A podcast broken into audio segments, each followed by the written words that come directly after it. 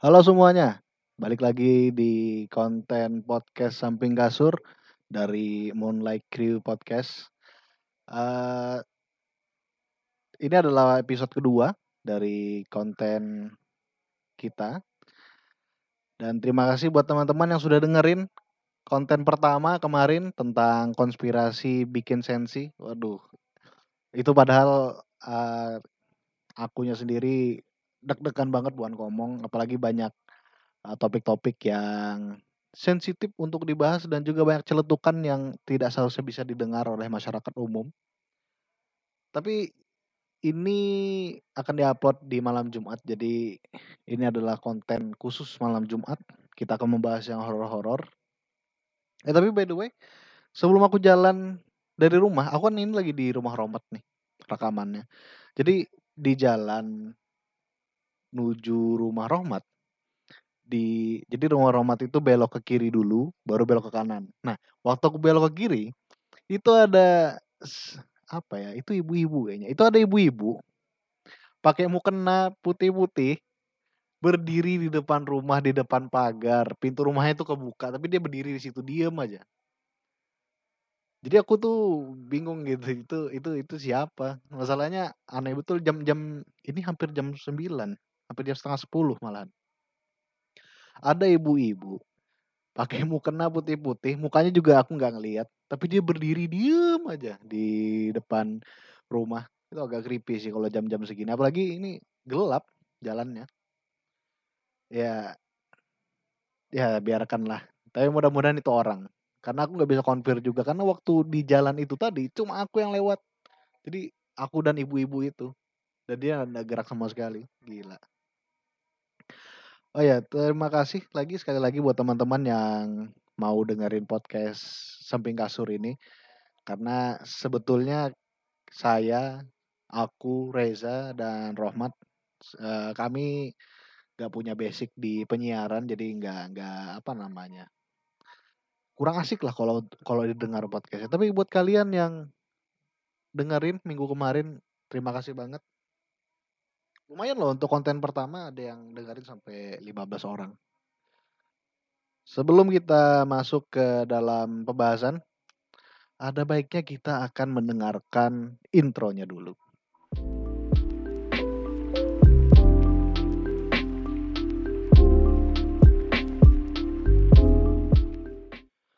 Ya, selamat datang di konten Samping Kasur dan terima kasih untuk teman-teman yang masih mendengarkan siaran ini. Uh, jadi ini edisi spesial malam Jumat, jadi kita akan cerita-cerita yang horor-horor. Uh, buat teman-teman sendiri, mungkin nanti setelah mendengarkan ini mungkin ada yang mau berbagi cerita, bisa juga nanti bakal. Jadi tuliskan aja cerita kalian nanti bakal aku bacakan mungkin supaya kontennya jadi lebih menarik gitu dan lebih kaya dengan cerita-cerita. Uh, tapi untuk yang pertama ini aku bakal ceritakan tentang uh, ini pengalaman aku di Pramuka lebih tepatnya sekitar kelas 2 SMP. Jadi waktu itu kami lagi eh, ini mau merencanakan perkemahan buat kenaikan tingkat gitu di desa yang namanya Desa Budaya Pampang. Buat yang teman-teman yang nggak tahu, Desa Budaya Pampang itu ada di Samarinda, di wilayah Sungai Siring kalau nggak salah. Uh, dan buat yang nggak tahu juga ya, dulu itu Pampang itu ada tiga pos pos 1, 2 dan 3 namanya. Jadi buat masuk ke sana itu harus lewat desa Pampang tadi. Nah, sedangkan kami itu jalannya ngelewatin belakang. Jalan belakang. Jadi kalau kalau yang orang biasa ketemu uh, pos 1 2 3, kami ketemunya 3 2 1 gitu. Jadi kami lewat jalan belakang di wilayah uh, apa ya namanya? Pokoknya dekat-dekat ini loh SMK pelayaran gitu. Nah, sampai di sana kami itu mungkin ada sekitar 20 orang. Cowok cewek 10 10 plus sama ya lima orang lima orang kalau nggak salah senior yang di atas kami anak-anak kelas 3 terus sama pembina satu orang perjalanan ke sana sih sekitar 40 menit ya karena sebentar doang kok karena ini lewat lewat belakang ya jalannya. Jadi kami memutuskan buat kemah juga di pos 3 karena tempatnya di situ lebih lebih dekat juga. Terus ada air terjunnya. Jadi lebih enak lah buat dijadikan pemandangan. Jadi kami di pos 3 gitu bikin tenda dan dan jangan dibayangkan sama anak-anak sekarang ya bikin tenda itu yang ini tendanya parasut yang isinya bisa empat orang terus tendanya itu dome proper yang bagus. Kalau dulu tendanya tenda ini eh, dari terpal 4 kali 6 sama 8 kali 8 nah di pos 3 itu itu bentuknya kayak ini kayak bertangga gitu eh, kami ambil yang paling bawah yang di pinggir sungai. Yang di atasnya itu ada pendopo. Di situ biasanya tempat anak-anak pecinta alam tuh tidur di sana kalau mereka nggak bawa tenda jadi mereka bisa uh, tinggal apa namanya uh, berdiam di sana untuk satu malam mungkin buat perjalanan lagi nambah ke pos 2 sama pos 1 gitu. Uh, di malam pertama sih awalnya memang nggak apa-apa santai-santai aja. Dan sebagai sebagai gambaran ya kalau yang namanya kemah kenaikan tingkat tuh kan ada ujian-ujiannya gitu. Jadi ya kami menjalankan ujian. Malamnya ada apa namanya? Wakar. Nah, apa sih namanya? Lupa aku. Ini loh uji nyali. Nah uji nyali uji nyali lah lebih tepatnya tapi dua orang dua orang gitu uh, aku kebetulan sama temanku yang namanya Yogi, yang satunya cewek yang namanya Adila. Plus Ray, Reina. Jadi kami berempat. Sisanya dipisah-pisah juga gitu. Kami itu ditaruh di pendopo atas. Gitu. Disuruh bikin mie, bikin nasi tapi apa namanya dengan peralatan yang seadanya. Jadi kayak tes buat survival gitulah. Uh, dan itu dilakukan malam sekitar jam 11 mungkin atau jam 12 malam gitu. Jadi kami ya masak aja, masak santai. Nggak ada apa-apa, biasa. Sampai akhirnya kami selesai masak, selesai makan dan senior-senior pun juga sudah ngeliat uh, ini cara masak kami. Terus kami disuruh untuk istirahat dan tidur di atas pendopo, jadi bukan di tenda utama.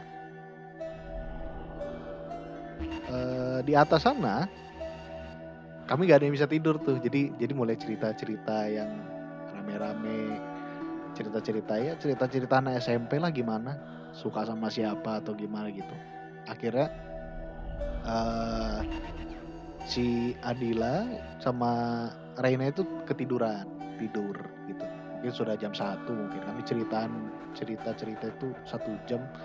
Nggak tahu juga ya karena nggak ngeliat jam juga. Jadi sekitaran itulah. Nah di pendopo itu sekitarannya hutan gitu. Apa namanya?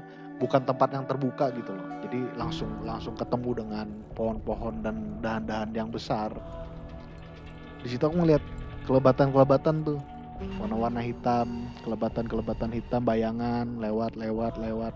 Tapi akunya nggak nggak nangkap itu sebagai hal-hal yang gaib karena senior ada lima terus ada pembina juga satu. Berarti kan ya bisa aja mereka di antara mereka berenam yang lewat pada saat itu. Dan ya santai aja. Jadi aku juga cerita sama Yogi. Yogi juga ternyata ngeliat tapi kami ngediamkan dan akhirnya kami tidur di keesokan harinya uh, jam 10 kami itu mandi. Mandi oh, santai mandi. Namanya dekat sungai kan ya. Mandi air seger banget. Masih masih terjaga alamnya. Dan juga desa Pampang ini eh, kebudayaannya itu masih masih dijaga dengan ketat gitu orang-orang Dayaknya. Bahkan kalau di pos 1 itu kalian bisa masih masih bisa ngelihat ini yang namanya sarkofagus. Eh, sarkofagus itu semacam ini kalau nggak salah ya itu adalah makam batu gitu.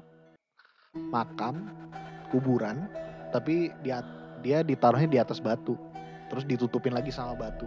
dibentuknya kayak peti gitu nah tapi dari batu itu ada peninggalan dari uh, budaya megalitik jadi masih ada tuh di situ jadi uh, sebagai tempat pendidikan sangat bagus di situ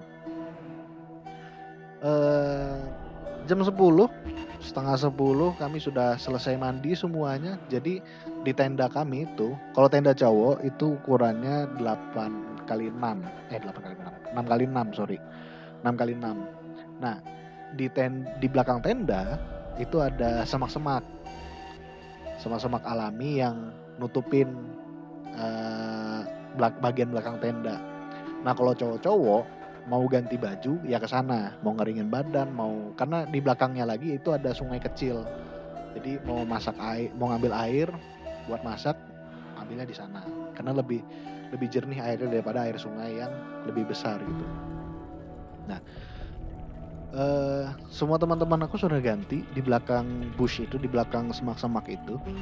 Nah akhirnya giliran aku gitu masuklah aku dalam semak-semak itu. Dekat banget. Paling cuma lima langkah dari ten, dari belakang ten, bagian belakang tenda gitu loh. Jadi uh, ganti baju keringin badan. Tiba-tiba badan aku itu diem aja. Gak bisa gerak. Nggak tahu kenapa. Pas aku mau pergi dari tempat itu pun gak bisa gitu loh. Uh, ini keadaannya masih pakai handuk ya. Jadi benar-benar lumpuh nggak bisa gerak.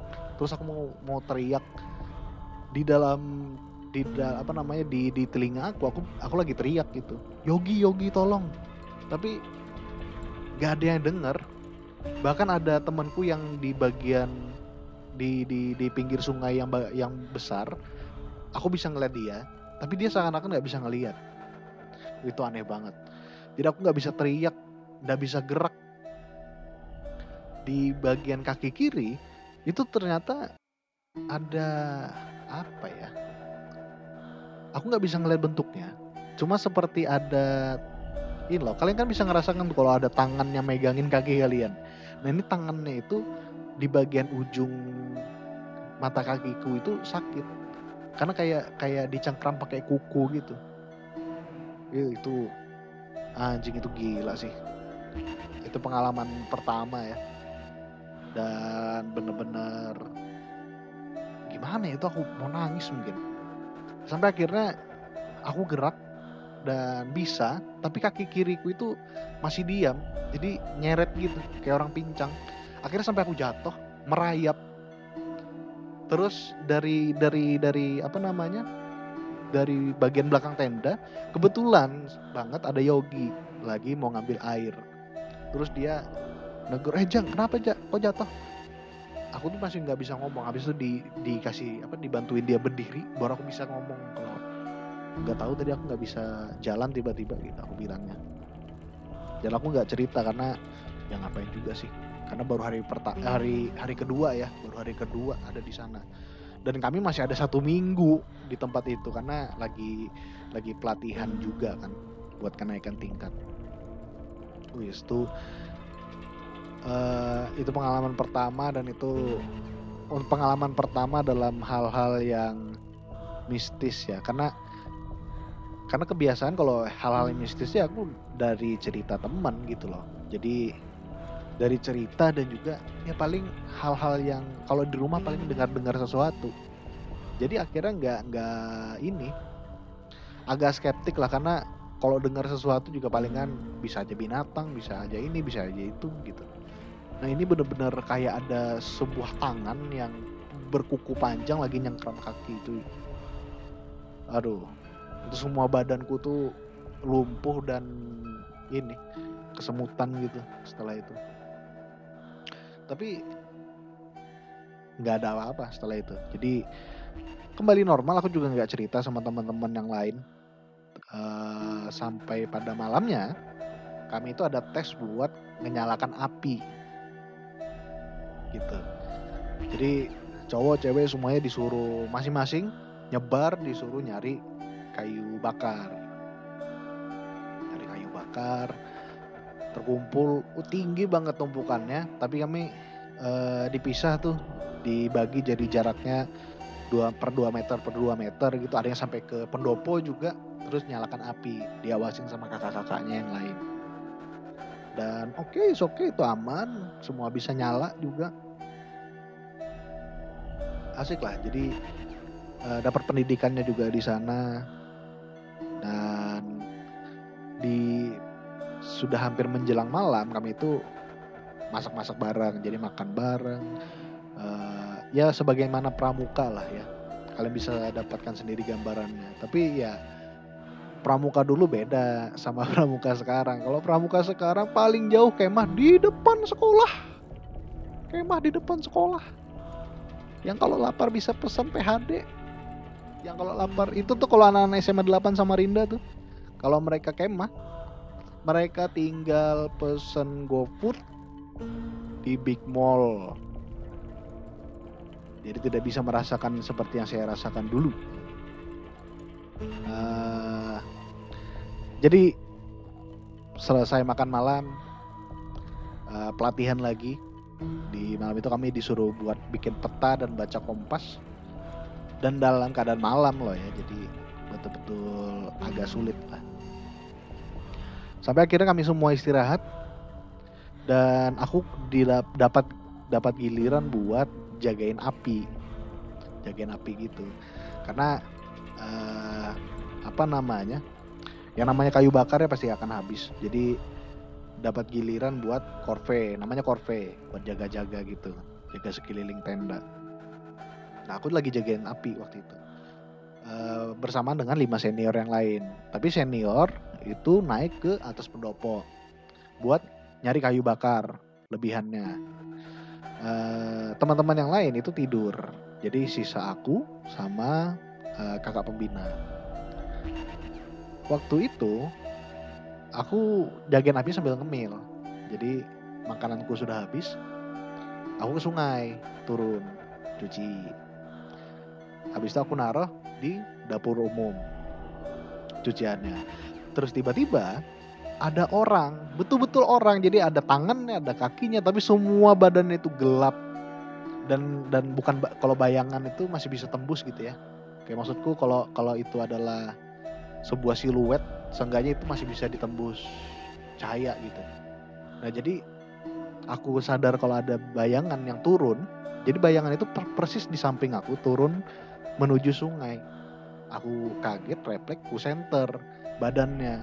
Jadi uh, apa namanya cahaya senternya tuh juga nggak mantul kalau kalau benda kan mantul gitu ini nggak mantul seakan-akan cahaya itu ke keserap sama badannya. Aku nyenter pas di badannya. Jadi aku kejar tuh eh itu siapa? Kak kak. Gak aku manggil kan siapa tahu senior senior yang di atas. Kak kak. Sampai dia turun ke sungai. Terus kakak pembina aku manggil kenapa aja ke aku ke belakang nengok. Ini kan ada orang. Terus aku balik lagi udah hilang bayangannya terus kakak pembina aku bilang ah nggak apa-apa itu kamu naik aja tolong bikinkan saya kopi. Terus aku naik bikinkan kopi. Itu yang pertama. Terus sampai di akhirnya sekitar jam jadi sampai dari pelatihan membuat kompas dan lain-lain itu eh membuat kompas membaca kompas dan lain-lain itu uh, mungkin ada sekitar satu jam setengah atau dua jam kali ya. Jadi sekitar jam 12 itu teman-teman yang sudah pada tidur. Aku nggak bisa tidur karena lagi ceritaan sama kakak pembina. Kakak pembina lagi mainin gitar gitu. Di tengah-tengah kami main gitar uh, seakan-akan ada yang ngelempar ini apa namanya ranting. Ranting pohon. Dilempar ke tenda kami. Namanya apa namanya bukan bukan ini. Bukan tenda yang proper ya namanya juga dari terpal. Jadi pasti kedengaran nyaring tuh tek jatuh. Tapi uh, rantingnya itu nggak nggak gelinding. Kan bisa kalau kalian ngelempar ke atap aja benda ke atas terus glinding gitu. Nah kalau ngelempar ke atap terus ada apa namanya kalau ada suara dari atap itu bisa suara binatang atau suara uh, apa namanya uh, bunyi seng yang memuai karena kepanasan. Itu masuk akal. Tapi ini terpal. Terus ada suara dilempar gitu dan nggak ada gelindingannya. Kami masih santai. Paling kan masih dikerjain sama yang lain-lain katanya tapi main main main. Terus dilempar lagi. Nggak ada suara gelindingan lagi. Main lagi. Ketawa-ketawa menghilangkan rasa takut. Karena pembina aku juga takut sebetulnya. Dilempar lagi nggak ada nggak ada gelindingan lagi. Ini apa yang lempar gitu kan? Bingung. Akhirnya kakak pembina aku naruh uh, ininya naruh gitarnya ke samping badan dia. Naruh gitar. Eh sudah aja kayaknya kita tidur aja. Kami sudah baring. Tiba-tiba itu ada sebuah gimana ya gambarinnya? Jadi ada benda yang jatuh. Itu betul-betul kayak ini dahan pohon besar jatuh nimpa tenda kami bahkan sampai tenda kami itu ngelengkung gitu. Masuk ke dalam ngelengkung. Jadi jadi tenda kami itu peot ke ke dalam. Dan itu aneh betul tuh jatuh dan itu besar banget sih kayaknya. Ya hitungannya kayak badan manusia jatuh sampai ngelengkung gitu tendanya. Terus balik lagi nggak ada suara gelindingan nggak ada nggak ada bekas jatuh nggak ada tanda-tanda jatuh. Aku bahkan sampai ngelilingin tendanya nggak ada apa-apa. Jadi ya, uh, kami itu langsung ketawa. Ketawa karena nervous ketawa karena takut. Terus ya sudah aja kita tidur aja. Nggak lama gitar aku tuh gitar gitar pembina aku itu di samping dia itu bunyi. Tiba-tiba bunyi. Gimana? Coba tiba-tiba bunyi. Di di di sebuah hutan antah berantah tiba-tiba gitar bunyi di samping badan. Kami tuh langsung bangun megang kopi nyuruput sambil ngeliatin gitarnya tetap main. Itu gila sih. Dan teman-temanku pada tidur semua. Itu yang paling aneh. Jadi yang nyaksikan itu cuma aku sama pembina aku akhirnya pembi, uh, gitar itu stop. Pembina aku bangkit dari duduk dia manggil senior senior yang lain. Buat jagain tenda sekitaran uh, kami yang junior junior gitu. Ya jadi itu pengalaman yang paling yang paling asik selama di perkemahan. Karena karena baru itu men yang eh, kalau kalau kalian mungkin nggak aku nggak bisa juga menggambarkan kalau tenda itu bisa kejatuhan. Bayangkan aja deh tenda dari terpal disanggah sama tali doang sama kak tongkat kayu di ujung-ujungnya kan. Terus di tengah-tengahnya itu ada kejatuhan dahan pohon besar gitu. Jadi melengkung gitu tendanya. Dan sampai sekarang nggak ada yang bisa jelasin. Jadi karena kami berdua doang yang ngelihat jadi ya nggak kami ceritakan. Sampai di di hari terakhir pulangnya baru kami cerita soal soal apa eh, hal-hal uh, aneh itu di selama di hutan itu. Dan ternyata teman-temanku yang lain juga ngalamin cuma mereka juga nggak nggak nggak berani buat cerita. Gitu. Oke teman-teman yang lain mungkin uh, apa maksudnya teman-teman pendengar mungkin bisa kirim atau bisa kirim di komentar kali bisa kasih komentar ya soal cerita tadi. Mungkin kalian punya pengalaman-pengalaman tentang hal-hal horor di luar rumah. Karena kalau aku cerita di dalam rumah lebih mantap lagi. Karena keluarga aku uh, punya keturunan yang bisa begitu. Jadi jadi gimana ya? Jadi keluarga aku tuh sudah sangat biasa dengan hal-hal begitu. Jadi ya coba kalian bagi bagi-bagi cerita gimana uh, pengalaman kalian di luar mungkin. Kalau ada yang pernah atau yang pernah di dalam rumah rumahnya kelakuannya di di dalam rumahnya itu ada hal-hal yang aneh atau ada poltergeist mungkin itu lebih keren lagi sih. Uh, mungkin itu saja. Terima kasih sudah mau mendengarkan.